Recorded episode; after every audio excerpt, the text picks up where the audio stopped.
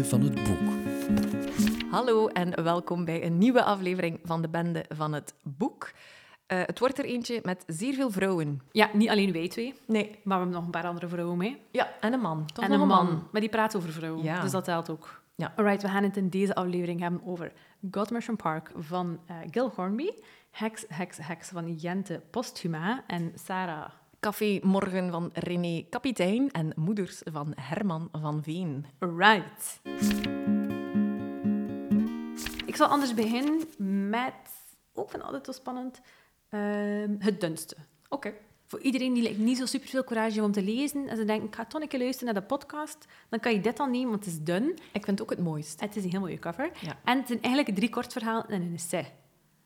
Oké. Dus, allee, ik bedoel, je moet echt... Nog korter dan Ja, het is Ja. mega kort. Het is ehm, heks, heks, heks, met uitroeptekens, maar ik ga niet roepen, want dat is aan mijn tante als je luistert met een koptelefoon, van Jente Posthuma. En inderdaad, een mooie cover. Je ziet like, een soort van bos met roze wolken in of zo, of, of, of ding. Ehm, heel mooi, het is van uitgeverij Pluim, die allemaal meestal mooie covers, vind ik. Eh, we kunnen dat wel zeggen. En het zijn eigenlijk drie hervertellingen van oude heksenverhalen, ehm, die... eh, ja, ik kan nu niet zeggen gemoderniseerd, want ze vinden nog altijd in het verleden plaats, maar je ziet ze wel echt meer vanuit een moderne blik op de vrouw. Hè. Dus het is niet, die worden gedemoniseerd, maar het wordt meer Ja. getoond hoe dat ze gedemoniseerd worden door hun omgeving. Oké. Is dat... Make sense? Of denk je van, Therese, ik heb geen idee wat je bedoelt? Eh, het is niet gewoon een vrouw met een bezemsteel en een zwarte ja, kat. Nee, het is inderdaad zo meer zo van, ah, het is like een vrouw die bijvoorbeeld alleen woont, Ja. of die eh, een minnaar heeft, en daarom is ze slecht. Oké. Dat was mijn poging tot heksengekakel, maar ik snap dat het niet beide overtuigend is. Ehm, dus dat zijn drie verhalen en je herkent zo altijd wel een beetje elementen uit zo die typische ehm, verhalen over vrouwen die dan werden aangeklaagd als heks. Ehm, wat kan ik daarover zeggen? Ik ga anders misschien de titel van het eerste is bijvoorbeeld Een sentimentele man. Oké. Het gaat vaak ook een beetje over de zwakheden van mannen die ze dan projecteren op vrouwen die er het slachtoffer van worden. Een man die bijvoorbeeld like, een poot niet thuis kunnen houden, maar dat is dan omdat de vrouw te sensueel is en, het is, en daarom is het een hekse. Ja. Ehm, dus ja, het is wel... Het is heel mooi verteld, maar daardoor besef je ook wel des te meer van, ah shit, dat is eigenlijk wel echt gebeurd. Alleen niet per se dat die drie verhalen daarom ja. waar gebeurd zijn, maar wat dat die vrouwen overkomen is, is ook wel echt andere vrouwen Mhm. overkomen. In dat uh, tijdsbestek, laten we maar zeggen. Ik vond het redelijk sec geschreven, Mhm. maar dus kan dat wel hebben. Zeker als dat over iets gaat dat nogal vaak tot meer eh, dramatische beschrijvingen Ja, leent. Eh, dat doet ze niet per se. eh. Ik heb bijvoorbeeld, om, om nog een keer te duiden, wat ik daarnet zei, het is niet per se over die, die vrouwen die gedemoniseerd worden, maar door de zwakheden van de man rond hen worden zij een beetje het slachtoffer. Mhm. Ehm, het eerste verhaal ga ik een stukje van het einde anders kort voorlezen. Ja. Er waren nog veel zielen die in onvrijheid leefden. De duivel in hen zocht nog altijd naar een zondebok. En gewelddadige mannen als Pier had je overal. Mannen die liever praten dan luisterden, die met hun woorden gif verspreiden, die fantasie verwarden met feiten, mannen die wegkeken, die het niet zo bedoelden, zichzelf als een kogelvis tot enorme proporties opbliezen, prat gingen op een kennis van het wetboek en de theologie, maar eigenlijk vooral wisten hoe je met die zware boeken van je af kon slaan ook heel actueel, vind ik. Als je dat zo leest, kun je zeggen, allee, er zijn nog altijd mannen die dat kunnen. Allee, niet allemaal, ze zijn niet allemaal slecht. Maar ook, zegt ze, mannen die hun ware zelf moesten verstoppen om te overleven, maar dan in vestingen met kanonnen die overal gaten insloegen en met een hart dat zo diep onder het puin lag begraven, dat ze het zelf niet zouden vinden als er, als er een glimmend zwaard uitstak. Dus het is zo vrij... ehm, het is niet per se dat ze allemaal de duivel zijn, die man, Mhm. maar met een beetje een excuus doen ze wel slechte dingen. Dus ja, ben ik aan het kijken. Ik heb nog een paar hoekjes omgeslaan. Hier gaat het over een, ehm, over een verkrachting. En dan zegt een personage... Zeg, ik bedoelde het niet zo, begint hij nu. Die verkrachting. Ik was mezelf niet. Vrouwen maken me zo onrustig, hoe ze hun haren borstelen, hun schouders, wauw, wauw, wauw. Dat is like zo typisch... Allee, dat is zo, je kunt zeggen, in de 15e eeuw zei een man dat, maar dat zeg ik nog altijd. Ja, ja, ja, Ze zullen ja. nog altijd zeggen. Dat is zo'n soort victim blaming dat zo van alle tijden is. Ehm, en daarom vond ik het zo'n interessant boek omdat het gaat over iets dat heel lang geleden is gebeurd. Maar evengoed gebeurt dat vandaag nog altijd. Ja. En we gaan mensen niet meer letterlijk op een brandstapel zetten, maar er gebeurt wel nog van alles. Ja, ja, ze worden zo wat veroordeeld door Ja. de mensen rond hen, of zo wat genegeerd, of Ja. zo wat... Ja, ja, ja. Ja, ja, ja, ja. Dus dat vond ik wel heel, ehm, heel interessant. En dan het laatste stukje is een essay. En ik ga dus de eerste paar paragrafen van het essennetje voorlezen. Ja. Omdat het gaat de eerste stuk gaat zo vrij over vrouwen gaat die vanuit man komt. Ja. En dan op het einde kijkt ze ook een beetje in eigen boezem. Dus het begint. Eh, Er staan nergens aanhalingstekens in het boek. Dus je moet altijd een beetje zelf zien van... Oh, is dat nu iemand anders die dat Ja. zegt? Ik las iets in de krant over heksen, zegt mijn vader. Misschien interessant voor je boek. Een column van, eh, hoe heet die dame? Elma nog iets? Elma Draaier, zeg ik. Die trut. Ik ben het altijd oneens met haar. Die trut, herhaalt mijn vader verbaasd. Ze had het over een proefschrift van een zekere... Oh ja, zeg ik. Stij nog iets. Een historicus die vanuit een nieuwe invalshoek onderzoek heeft gedaan naar de heksenvervolgingen. In de Volkskrant stond een interview met hem. Mijn zoon en ik logeren bij mijn vader in Enschede. Vandaag maken we een uitstapje naar Holterberg. We zitten in de auto op de snelweg richting Holten en mijn vader moet hard remmen als een auto plotseling van baan wisselt en voor ons komt rijden. Tijdens het inhalen kijken we boos opzij. Ach, een dom blondje, zegt mijn vader, zodra hij de bestuurder ziet. Nu richt ik mijn ergernis op hem. Het was maar een grapje, zegt hij. Dat snap je toch wel? Maar het is niet grappig, zeg ik. En ik begin over stereotypen en de schade die ze aanrichten. Dus dit gaat zo like een beetje over het feit dat we zelf... We kijken daar graag op terug en we zeggen, ja, dat was wel iets, die heksvervolging. Ja, ja. Chance dat dat de zon niet meer is. hè. Bent vandaag zoveel beter als vrouw. Maar tegelijk zijn al die stereotypen er nog. En zij zegt hier die stereotypen, maar zelf heeft ze er ook wel nog een paar die hier aan het licht komen. Ehm, dus ja, ik vond dat wel interessant. Het is Mhm. een dun boekje, maar het is wel redelijk wel om over na te denken. Als je denkt van, ah, ik heb zin om een keer lekker activistisch, te feministisch te zijn, ehm, vind ik het wel, vind ik het wel Ja. mooi. Het leest super snel. Ik heb dat in een, in een paar uur uitgelezen. Het is in totaal eh, 125 pagina's. Oké. Maar een redelijk groot lettertype. Oh, een dom blondje zit er ook zeker doorgedaan. En wie is Jente Postuma?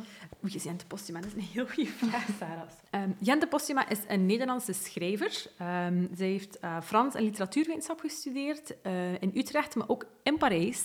Ik sta met Nederlanders in Parijs en in Frankrijk graag voor, omdat ik een, een sappig Frans accent vind. Eh, en ze heeft gewerkt als journalist, ehm, maar dus is ook schrijver. Ze is in 2016 gedebuteerd. En haar debuutroman heette Mensen zonder uitstraling. Ik heb hem niet gelezen, maar ik vind het wel een heel goede titel. Mhm. En nu dit bij uitgeverij Pluim. Dat brengt mij eigenlijk naadloos tot mijn eerste boek. Eh, dat is Café Morgen eh, van René Kapitein. Het ziet er mooi uit. Het is like met waskels gemaakt of Ja. zo, de, de cover. Ja, het zou inderdaad gewoon door een kind met veel gevoel voor tekentalent kunnen getekend zijn met waskoos. Je ziet eigenlijk het gezicht van een vrouw. Allee, je ziet vooral duidelijk rode lippen, een neus en eh, een, groene, allee, een groen oog, ik zal het zo zeggen. Maar waarover gaat het boek? We hebben ons centrale hoofdpersonage en zij is net begonnen als barvrouw in een café. Café Morgen. Voilà, vandaar de titel. Ze heeft zo Je worstelt ook met haar leven. Ze had ook eerst een gewone job waar dat ze nooit durfde aangeven dat ze eigenlijk, te, allee, dat ze eigenlijk niet zo tevreden was. Ja. Ze had een, een ehm, heel lang geen relatie, dan plots wel. Dus eh, ze dacht, mijn leven is op de rails. Maar dan bleek dat eigenlijk een beetje een manipulatief persoon. Toxisch. Toxisch, voilà. En dan ehm, heeft ze dat toch gedaan gemaakt. Maar was je daar familie van, eh, wat heb je gedaan? Allee, ik bedoel, allee, dus dat. En nu werkt ze als barvrouw. Dus ze kreeg niet echt de goedkeuring Ja. van haar omgeving. En anderzijds leer je een aantal vaste bezoekers van dat café Ah, ja. De kennen. stamgasten. Ja. Ehm, en het is ook dat nonneke daarnaast één avond in dat café. Het is haar verjaardag van onze barvrouw, eh, van eh, ons Loes. En ehm, ja, ze werkt gewoon op die avond. Maar ze zegt dan wel aan een paar van die stamgasten van kijk, het is mijn verjaardag. En er is ook eh, één vrouw die daar geen vaste bezoeker is. eh, en die daar zo wat gestrand is. Een binnenwaaier. Ja, een binnenwaaier. Het zijn allemaal vrouwen eh, ja. die ehm, aan het woord komen, waar dat de aandacht even op komt. Zo is er een iets oudere vrouw, eh, de buurvrouw noemt iedereen haar. Niemand weet hoe dat ze echt heet. Het is ook al te laat om nog Ja, te vragen. het. Zo. Het is te Ehm, awkward om nu nog te zeggen, en wat was die naam? ja, voilà. En die komt daar zo vrij veel een koffietje drinken en dan een wijntje en dan nog een wijntje en dan nog een wijntje. Maar kunt als lezer wel even in haar gedachten kruipen, dus dan leer je dat ze eigenlijk een serieus leven heeft gehad, eh, een redelijk zwaar leven. En dan heb je dus de binnenwaaier, is een vrouw die duidelijk was gaan eh, sporten, gaan joggen waarschijnlijk. En ze heeft een hond mee, dus ze komt like, zo in dat café en het lijkt van, oké, die madame moet even drinken of iets of een beetje bekomen. Eh, maar die blijft daar dan ook gewoon zitten en mee in dat gesprek zo deel worden. En dan die hond ligt daar dan wat te chillen.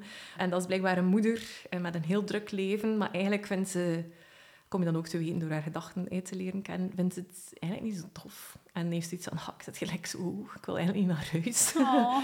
ja. En dan is er één felle activiste, Tracy. eh, en zij is letterlijk weggelopen uit de Women's March. Ze heeft haar protestbord nog vast. En ze was eigenlijk eh, verliefd op iemand die, die de, die mars vrij belangrijk vond. En waar dat ze samen mee in die mars is gelopen. Maar het is dan een conflict ontstaan. Ja. Ze is gewoon recht naar dat café gelopen. Eh, dus dat. En dan hebben we nog piloot. Dat is niet haar echte naam, maar ze wordt zo genoemd. En piloot is zo iemand die duidelijk vrij goed heeft geleefd. Die vaak te veel drinkt. Het ook niet zo nauw neemt met de openingsuren. Maar wel een lieve eigenlijk. Ze flapt er wel wat dingen uit. Maar allee, Een peperkoekenhartje. ja, voilà. Dus het gaat over die vijf vrouwen. En eigenlijk heb je wel die dialogen en dan dat verhaal, maar het gaat echt over zoveel meer. En daardoor was ik, vind ik het echt een supergoed boek. Het gaat vooral weer over eh, de positie van de vrouw in de maatschappij, wat dat er allemaal verkeerd is eh, in, aan het systeem, hoe dat wij onszelf allemaal druk opleggen, hoe dat veel vrouwen worstelen ook met identiteit. Zoals die moeder die iets heeft van, ja, natuurlijk moet ik drie kinderen hebben en met een hond ook gaan sporten en dit en dat en dat en dat. Ik wil eigenlijk niet naar... allee, ik kijk dat eigenlijk niet, maar ik doe dat omdat dat van mij verwacht wordt om ook verjaardagsfeestjes en weet ik veel te organiseren. En ze zijn ook op, vooral op zoek naar iemand die kan luisteren. Want ze hebben allemaal niemand in een omgeving die hen echt wil begrijpen. Ja. En dat vindt ze dan ook in dat café. Eh, of gewoon even zo'n goed glas bier om even ah, stoom af te, af te laten. Je zit zogezegd ook een beetje mee in die kroeg. Je zit mee op die avond van haar verjaardag. Maar er zitten ook een aantal heel mooie passages in over... Ja, ik zeg het... Wat dat systeem eigenlijk doet met ons of zo. Het zijn heel korte hoofdstukken, dus het leest heel snel. Ik ga eentje voorlezen Ja, zelfs. go for it. Vrouwen hebben kleinere hersenen en minder spieren en zijn dus minder sterk en minder snel, gemiddeld. Vrouwen hebben borsten en heupen, zijn dus minder aerodynamisch. En dus passen ze ook minder goed in autostoelen. En kunnen ze minder goed bij het stuur, past de gordel niet goed over hun borst en zijn ze minder goed beschermd, want auto's zijn niet voor hen gemaakt. Vrouwen hebben hormonen. En daarom testen ze medicijnen liever niet op vrouwen. Dat is ingewikkeld. Dan moet je rekening met die hormonen houden. Daarom werken medicijnen ook beter op mannen, want daar zijn ze voor gemaakt. Vrouwen bluffen minder en onderhandelen minder. En salarisvoorstellen zijn er om over te onderhandelen en dus verdienen vrouwen minder. Ook als ze meer verdienen. Salarisvoorstellen zijn voor mannen gemaakt. Maar dat is logisch, want vrouwen werken minder. En dus zijn ze thuis. En als ze thuis zijn, kunnen ze natuurlijk de was wel even doen. Want als mannen thuiskomen, hebben ze gewerkt. De dagindeling is voor een man gemaakt. Vrouwen werken minder en dus werken ze meer in huis, met de kinderen, met de zorg van ouderen, de boodschappen voor de buurvrouw. Is het tandarts al gebeld? Vrouwen zien zichzelf minder. In de kroeg, op tv en in boeken en in directiekamers en in managementboeken. En ook als ze zich voorstellen hoe een wetenschapper eruit zou zien, een kunstenaar, een genie. En dus zijn ze er minder. En dus zien we ze nog minder. En zien we ze nog minder voor ons. Vrouwen beslissen minder, hebben minder invloed op de grote dingen. En dus worden de grote beslissingen zonder hen genomen. Zelfs als ze over hen gaan. Zelfs als ze over hun baarmoeder gaan. Louise, een biertje. Voilà, dat is een hoofdstuk. Ja. En dat is zo vaak... Zitten er zo passages dat je denkt... Wow, oké, dit gaat hier echt over zoveel. En dan... Ah ja, juist, we zitten in een café. en dat vind ik wel fijn, omdat dat helemaal klopt. Ja, zeker. Ja, ik denk dat dit het eigenlijk wel goed meegeeft. Je hebt die verhalen van die personages, die gedachten, en dan zo ook weer wel dat feministisch kantje, of de aandacht voor het leven als vrouw. En dan eigenlijk Allee, klopt het gewoon, want oké, ja, Louise of Loes is ook weer gewoon aan het werken in een café, omwille van al die redenen. Ja. Dus ehm, ik was zeer aangenaam verrast. Eh, dus de schrijfster misschien nog even. René Kapitein vind ik een fantastisch Ja, mooie naam. Is dat, ja, met zo'n naam moeilijk wel iets gaan doen. Ja, hè? Eh, ze is geboren in 1987. Ze studeerde Writing for Performance aan de HKU. Ik heb dat niet voluit opgezocht. Iets Nederlands. Ja, dat denk ik ook.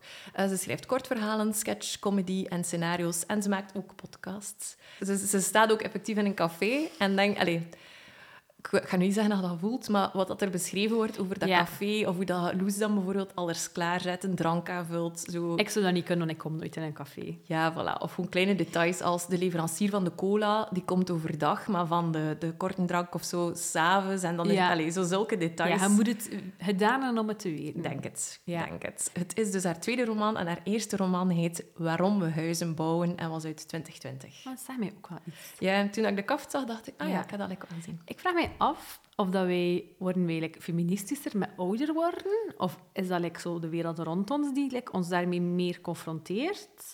Misschien de twee, Ja. ja. Ik denk dat er gewoon meer aandacht is wel in onze samenleving. Allee, je hebt ook andere...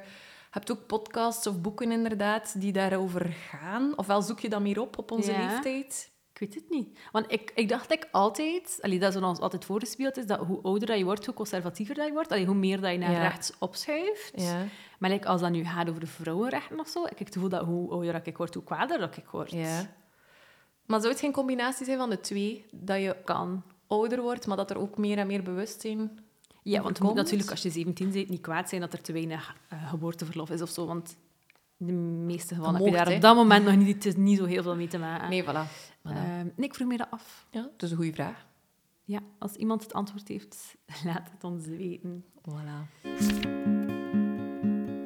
Mijn volgende boek heb je misschien al een keer gezien, of misschien weet je nog dat ik vorig jaar, vorig jaar, twee jaar geleden, eh, Miss Austen heb besproken van Gil, eh, Jill Gil Hornby.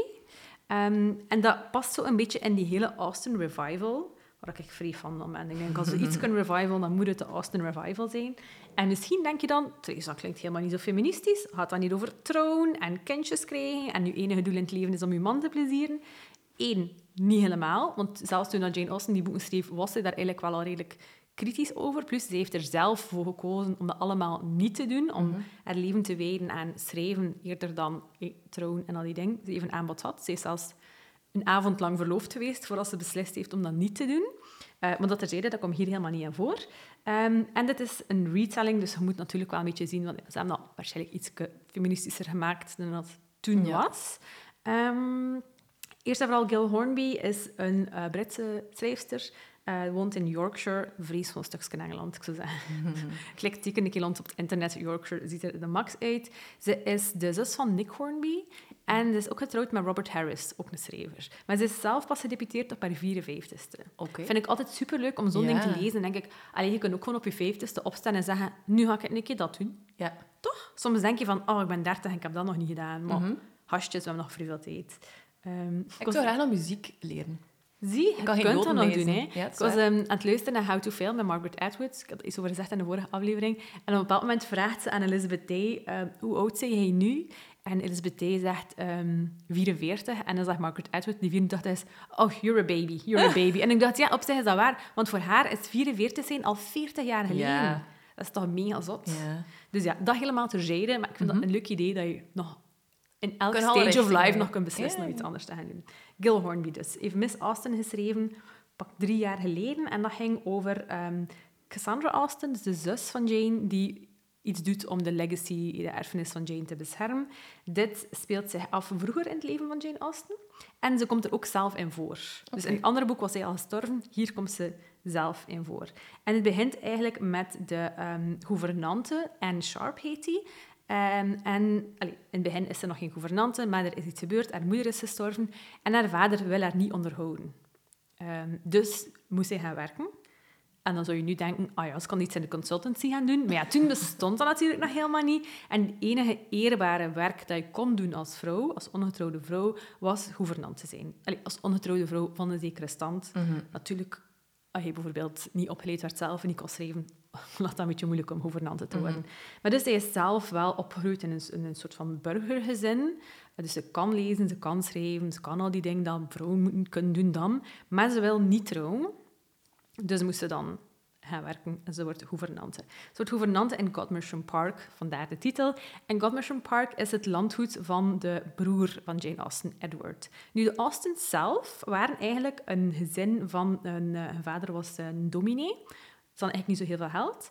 Ehm, als je meer wil weten over heel de geschiedenis van de Austens, eh, Clara heeft daar een paar jaar geleden een heel mooie podcast over gemaakt. Achtergrond. Ehm, maar dus die had niet superveel geld, die had wel veel kinderen.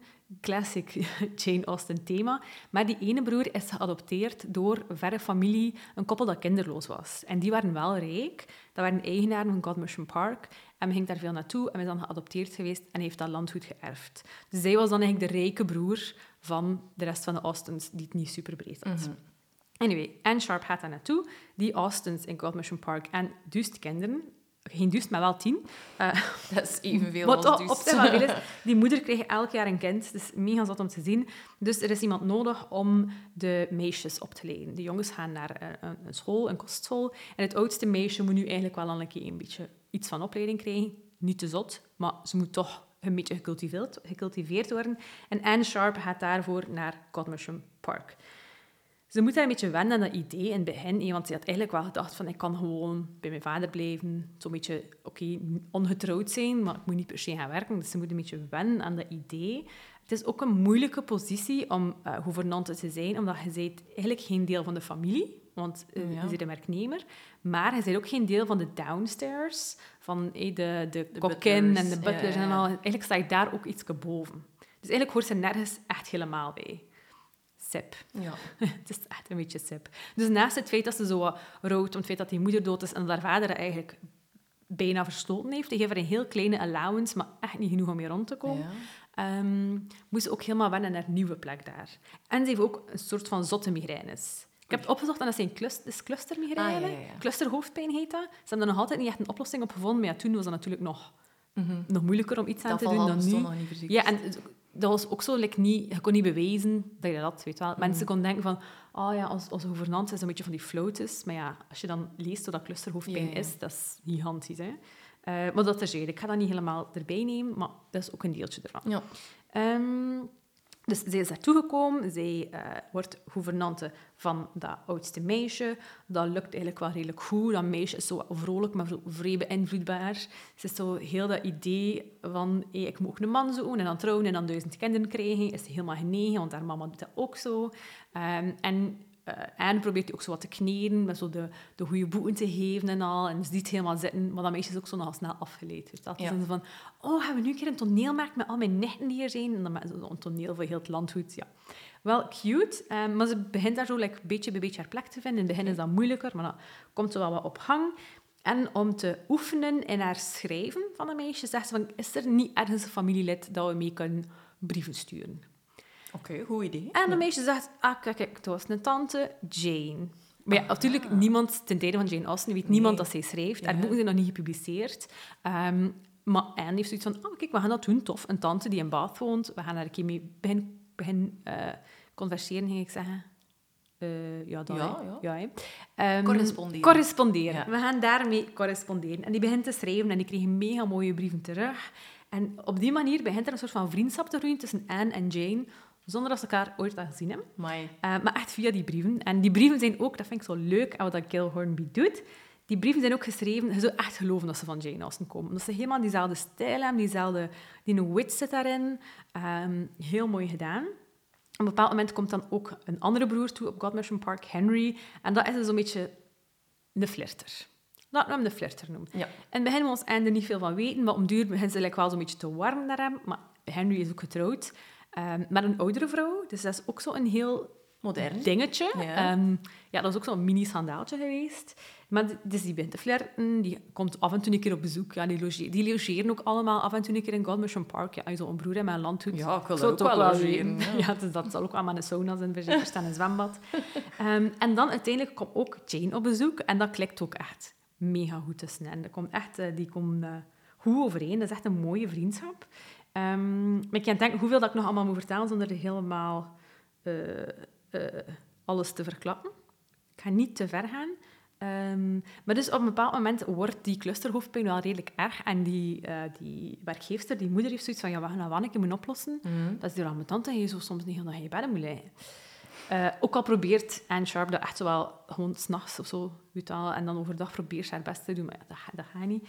En ehm, op een bepaald moment wordt ze terug naar Londen gestuurd, zo gezegd, eh, om naar een dokter te gaan, maar eigenlijk gaat ze dan nog een keer op zoek naar haar vader, want die was.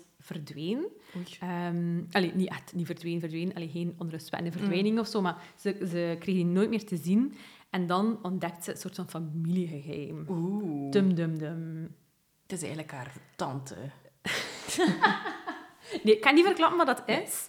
Ik zou nog redelijk veel meer kunnen vertellen, maar ik zou zeggen, het is echt zo'n boek dat ik wel uitlezen om te weten Ja. wat er gebeurt. Dus dan wil ik u dat ook gunnen, om het zo te lezen.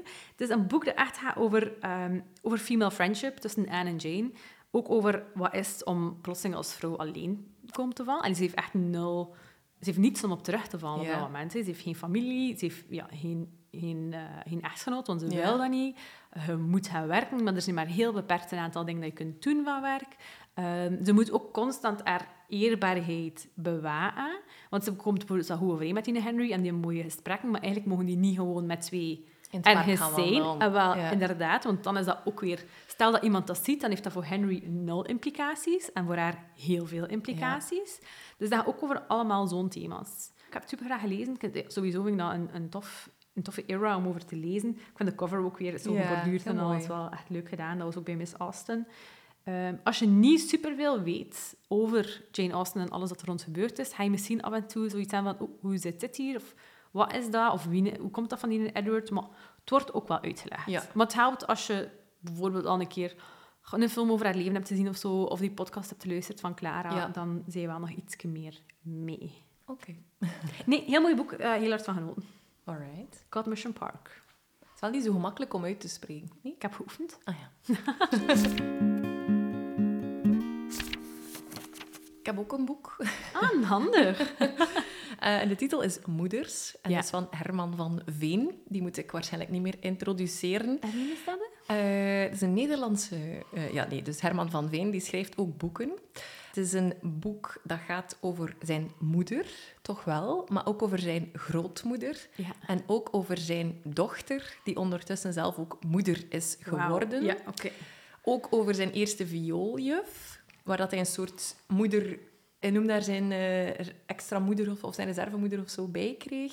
Dus eigenlijk gaat het over alle moederfiguren in zijn leven.